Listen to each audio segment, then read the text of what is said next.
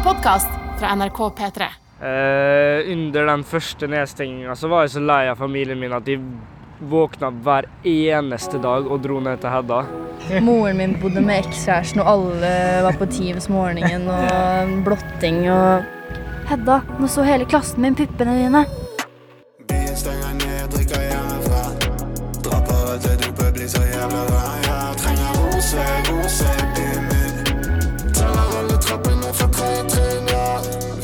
VG3. Nå, nå- sitter dere to her, du i mor i skinnjakke og du i en eh, skinnbukse. Er dere liksom, er dere nesten jamgamle, eller åssen er det? Ja, mamma er jo 25 år, da. Så det Nei da. Nei, men jeg var ung når jeg fikk Hedda. Det var jeg. Ja, var Ja. 22. Ungdomsårene er tradisjonelt en tid for opprør. For løsrivelse og krangling med foreldre. Men hvordan gjør man egentlig ungdomsopprør når hele familier har blitt stengt inne sammen mellom husets fire vegger pga. en pandemi? Og hvor lei har våre hovedpersoner blitt av familien under nedstengingen? Reporter Vebjørn S. Espeland møter Hedda Rasmussen og moren Miriam mellom sol og hvitkledde fjell på den nye sjøfronten i Molde. Men eh, det er fordeler og bakdeler tenker jeg, med å være ung mamma. Du har i hvert fall Instagram og Snapchat og forstår alt det. Så hvis det er noe sånn eh, jentedrama eller noe med skole eller Jakob, så på en måte klarer i hvert fall mamma å sette seg inn i alt. Det kan jo at det ikke har noen ting med alder å gjøre, at, men hun har også veldig sånn Du pleier å referere til når du var ung av og til. Og det virker jo ikke som om det var lenge siden heller at du har vært gjennom mye av det samme og ja. Altså, det er jo mennesketype, da. Men Hedda har fått vært med på veldig mye. Eh, Selv om hun syntes det var grusomt å være med til fine strender rundt omkring i verden og sånn. eh, Og måtte drive med windsurfing. Det er ikke sikkert jeg hadde orka gjort det hvis jeg hadde vært eldre. Miriam Rasmussen er nemlig profesjonell windsurfer og er blant de fem-seks raskeste i verden. Hvor fort har du kjørt, da? Eh, snitt 500 meter, så er det over 80 km. Men jeg har pika på over eh, 95. Åssen er den følelsen da? Å stå i 100 km i timen bare rett opp på vannet sånn? Eh, Den er veldig sånn vanedannende. Ja. Mye adrenalin og utrolig deilig følelse. Anbefales. Før koronaen kom, var mor og datter på hver sin side av Norge. Mor Miriam i Drøbak og Hedda i gang med sitt aller første skoleår i Molde. Jeg har bodd eh, fraskilt fra pappa hele livet, holdt jeg på å si. Jeg har bodd med mamma, og så tenkte jeg egentlig å ta sånn utveksling på en måte, da. Bare i Molde. Ja, du hadde liksom et pauseår i VG2. Ja, for å være med mormor og morfar og pappa og ja, resten av slekten. Og så ble jeg jo værende, da. Mest pga. Jakob. Det var jo derfor jeg ble. Mm. Jeg hadde jo egentlig tenkt å flytte tilbake til VG3. Og da Norge stengte ned, endte hele familien i en svært spesiell situasjon. Ja, i det som faktisk kan være en av landets underligste lockdown-historier.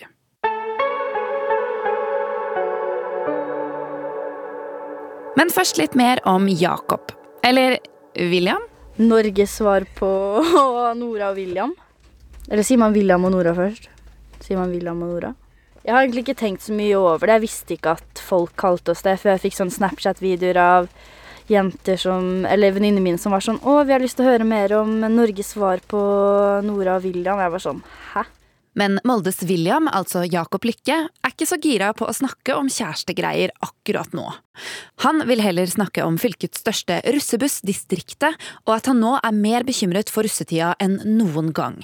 Den er nemlig foreløpig utsatt til 1. juni, men Vennene har jo bare tatt seg til rette og funnet ut at eh, det var greit å starte russetida nå, da. Så eh, før bussen var klar og Så plutselig blir det ikke noe russetid på noen. Er det én person der som er positiv, så ryker jo hele driten for noen dager eller uker i hvert fall. Og det er flere grunner til at Jakob ikke er så keen på å havne i karantene hjemme. Eh, under den første nedstenginga så var jeg så lei av familien min at de våkna hver eneste dag og dro ned til Hedda. Tvillingbroren min eh, var vel eh, ferdig på folkehøyskole den perioden. Eh, mamma var mye hjemme, pappa var litt på hjemmekontor, og når du går oppå hverandre sånn, det går ikke, ass. Én ting er å spise middag med dem, men når det skal bli noe mer enn det, så begynner det å bli ille. Erik, hva gjorde du da, bortsett fra å stikke til Hedda, liksom, når du måtte være hjemme og Du skulle slå i hjel fulle dager hjemme, da?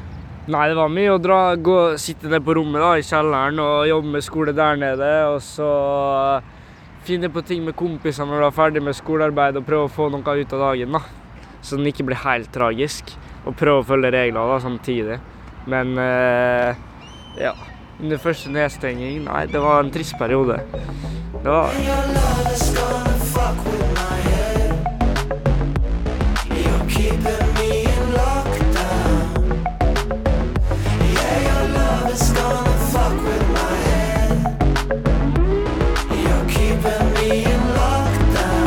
Og Sebastian Byttingsvik holder på med sine ting. I helgen så har jeg vært uh, på Moa i Ålesund. Og så kjøpte jeg en uh, Gatter. Nei, en livspistol. Fordi uh, jeg og fattern uh, skal ha litt konkurranse. Sebastian bor 50% hos faren, som han liker å skyte gatter med, og 50% hos moren, som han bl.a. hang med i påsken. I påska så har jeg vært på hyttetur med mamma og stefaren min og en kompis som heter Trym. Og vi har egentlig ikke gjort så mye. Vi har spilt kort og hatt litt sånne konkurranser med gevær og kjørt snøscooter og drukket jævla mye våre. Hva betyr konkurranse med gevær? Ja, altså vi har skutt på blink, liksom. Så hvis Hedda og Jakob er Moldes Nora og William fra Skam, så kan vi kanskje si at Sebastian Byttingsvik er Moldes Ola Halvorsen fra førstegangstjenesten. Hei, wallah, helt ærlig, stå stille. Jeg getter rett ned, jo. Gi meg månedskortet ditt. Wallah, fuck, jeg kom fra. Helt ærlig. Det er kjempebra. Men la oss nå høre litt mer fra talkshow-verten Sebastian Byttingsvik. Nå sitter jeg her med Wenchestrand. Og hvem er du? Jeg er mammaen til Sebastian. Og I dag så skal vi snakke litt om eh, bosituasjonen under eh, pandemien, hvordan det har vært. Da lurer jeg først på hvordan har det vært å eh, bo så tett med meg? Det har gått Det var en kjempespesiell tid, hvor vi plutselig var hjemme sammen hele tida. Hele døgnet, med unntak av handling og gå tur og sånn. Det var jo på grensen til å frike ut innimellom, da. Ja, for vi bor jo ikke så veldig stort. Jeg syns i hvert fall eh, det hjalp en del med å kunne stå opp eh, når skoledagen starta, egentlig, og så eh, sovne igjen. Og så sovne igjen, ja. Men det å kunne ligge i senga hele dagen og game og sånn, og så stå opp litt seinere, og så stikke og trene, jogge seg en tur, eller ta en liten styrkeøkt her hjemme med strikk eller kroppsvekt, liksom, det, det gjorde at det ble lettere, og så Ja, er det noe mer? Selv om det var mye arbeid eh, og hjemmekontor og liksom nye rare tider, så var det ikke noe stress for oss. Syns vi hadde det veldig sånn bra. Var senka pulsen og var mye titler og sånn. Der sølte jeg P-Max utover hele telefonen min og hele bordet. Midt i intervjuet. Og med det så sier vi tusen takk for oss. Og talkshowet Byttingsvik er selvfølgelig tilbake neste uke. Hva så med mor og datter med skinnklær på brygga i Molde? Med en gang korona kom, så bodde jeg faktisk hos pappa, og da var jo mamma og Erik på besøk hos oss når lockdown kom. Ja, jeg husker vi satt faktisk på Oslo S, og så skulle vi hit nå, til Molde. Bare tikka det inn med meldinger. Er dere sikre på at dere skal dra, og er det så lurt? da? For da skulle vi besøke Hedda og besteforeldre og sånn. Eh, og så så jeg på sønnen min, da, Erik, så sa jeg du, hva gjør vi nå egentlig? Nå er det rett før alt, bare. Alle anbefaler ikke reis. Så sa han at nei, vi drar. Det skal vi. Vi, vi må se Hedda. Så bare gikk vi på toget da, og tok veien til Molde. Og der ble vi vel egentlig fast da, i ganske mange uker. For da var jo alt nytt. Altså ingen visste noe om det viruset her. Hva, hvor farlig er det? Noen sa det ikke var farlig, noen sa det var farlig. Og Dere ble jo faktisk værende hjemme hos pappa med to lillesøstre, en lillebror, mamma og pappa. Ekskjæreste. Ja, Mamma og pappa er heldigvis gode venner, da. Ja, Men det var jo når det sitter fire stykker på Teams klokka åtte om morgenen Det var jo litt kaotisk i starten. Det var det jo. Men jeg husker faktisk en gang da jeg dusja, så løper jeg inn på vaskerommet, så sier Erik Hedda, nå så hele klassen min puppene dine. Det Er det sant? Husker du det, mamma? Ja. ja. Erik er lillebror. Ja, Erik er lillebroren min.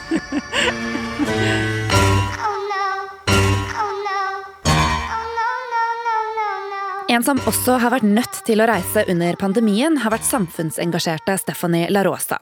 Hun ble kalt inn til Oslo og Fredrik Solvangs debattstudio for å diskutere kroppspress på NRK1. Men når det kom til NRK, så var det første som skjedde, var liksom det at eh, ja, nå skal sikkerhetsvakta følge det. Og jeg bare oi, sikkerhetsvakt, liksom. For min egen sikkerhetsvakt.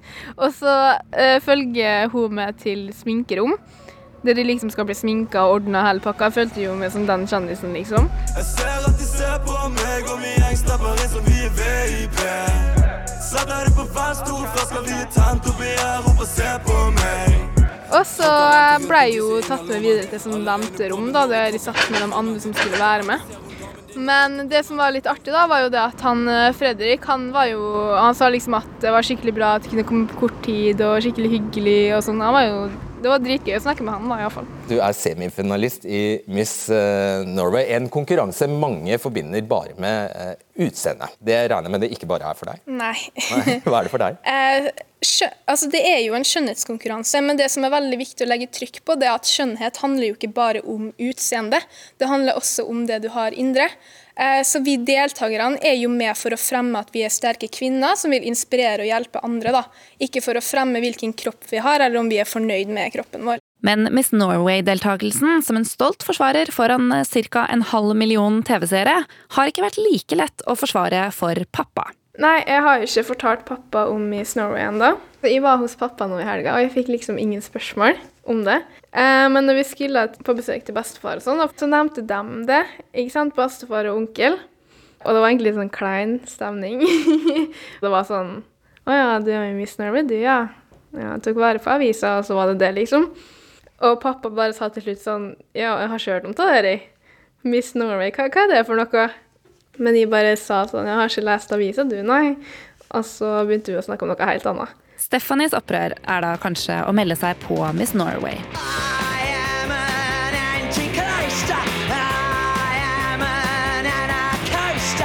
Men hva er ungdomsopprør i 2021? Hva kunne en 18-åring gjøre med kompiser på den tida? Nei, nå skal jeg til å si noe jeg ikke kan si på radio. ass. Det var vel en del litt sånn pilsing bak eh, fasaden skal jeg til å si. Eh, når man kunne. Men det var jo på helg, og så det var jo Vi kunne jo ikke ta sol heller.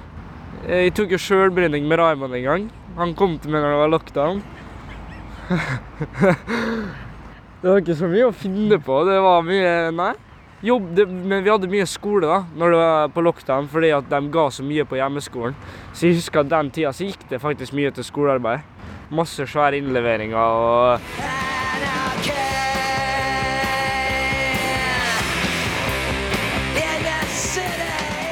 Jeg har eh, gjort mye opprør. Nei, altså jeg har jo Jeg prøver jo selvfølgelig å være så, så bra som mulig, eller hvordan man skal formulere det, men det er jo litt sånn uh, Man vokser jo og blir jo eldre, og man vil jo gjøre litt, uh, gjøre litt ting for seg selv.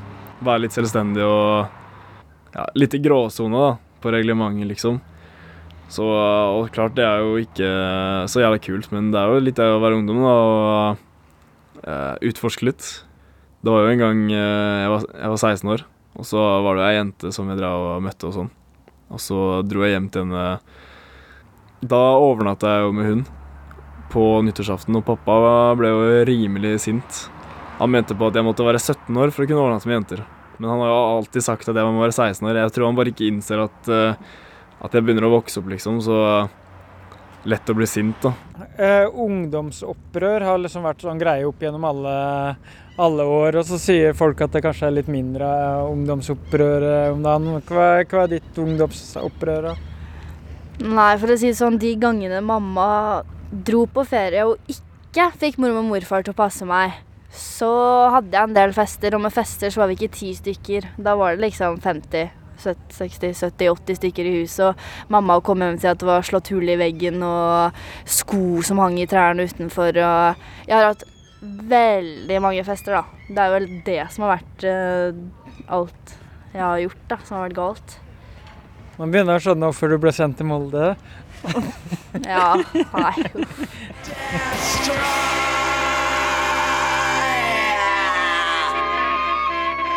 Men så var det det aller siste ungdomsopprøret.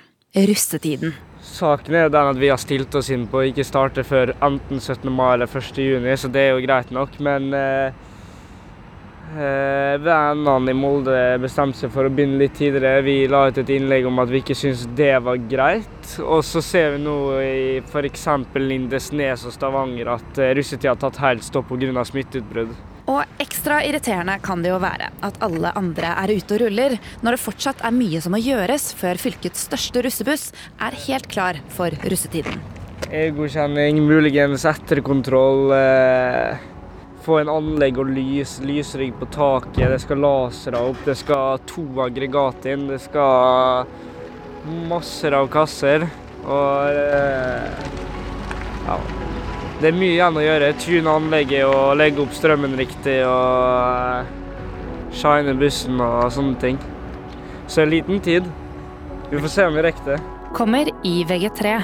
Det var, jeg, jeg så det var en sånn svarteliste fra distriktet, så du den? Ja, jeg var midtpunktet der, gitt. Så den, ja. Hør ny episode hver fredag. Denne podkasten er laget av Vebjørn S. Espeland og meg, Selma Fergus Skavlan, etter idé av Stine Melbø. Musikken er laget av Chris Nesse. Ansvarlig redaktør er Daniel Ramberg. Hør flere episoder i appen NRK Radio. Du har hørt en podkast fra NRK P3. Hør flere podkaster i appen NRK Radio. Før så samla vi oss for å høre på radio. Nå lytter vi på hva vi vil, når vi vil, og mest for oss sjøl. Vi lytter for å fylle ventetid, bli underholdt, oppdatert og litt klokere. Vi lytter for å la oss bevege av sterke historier. Eller bare av musikk. Så selv om mye har forandra seg, er det viktigste som før. Podkast og radio samler oss. For selv om vi nå lytter mest for oss sjøl, er vi aldri aleine når vi hører på. NRK Radio vi hører sammen. Hør podkaster og din NRK-kanal i appen NRK Radio.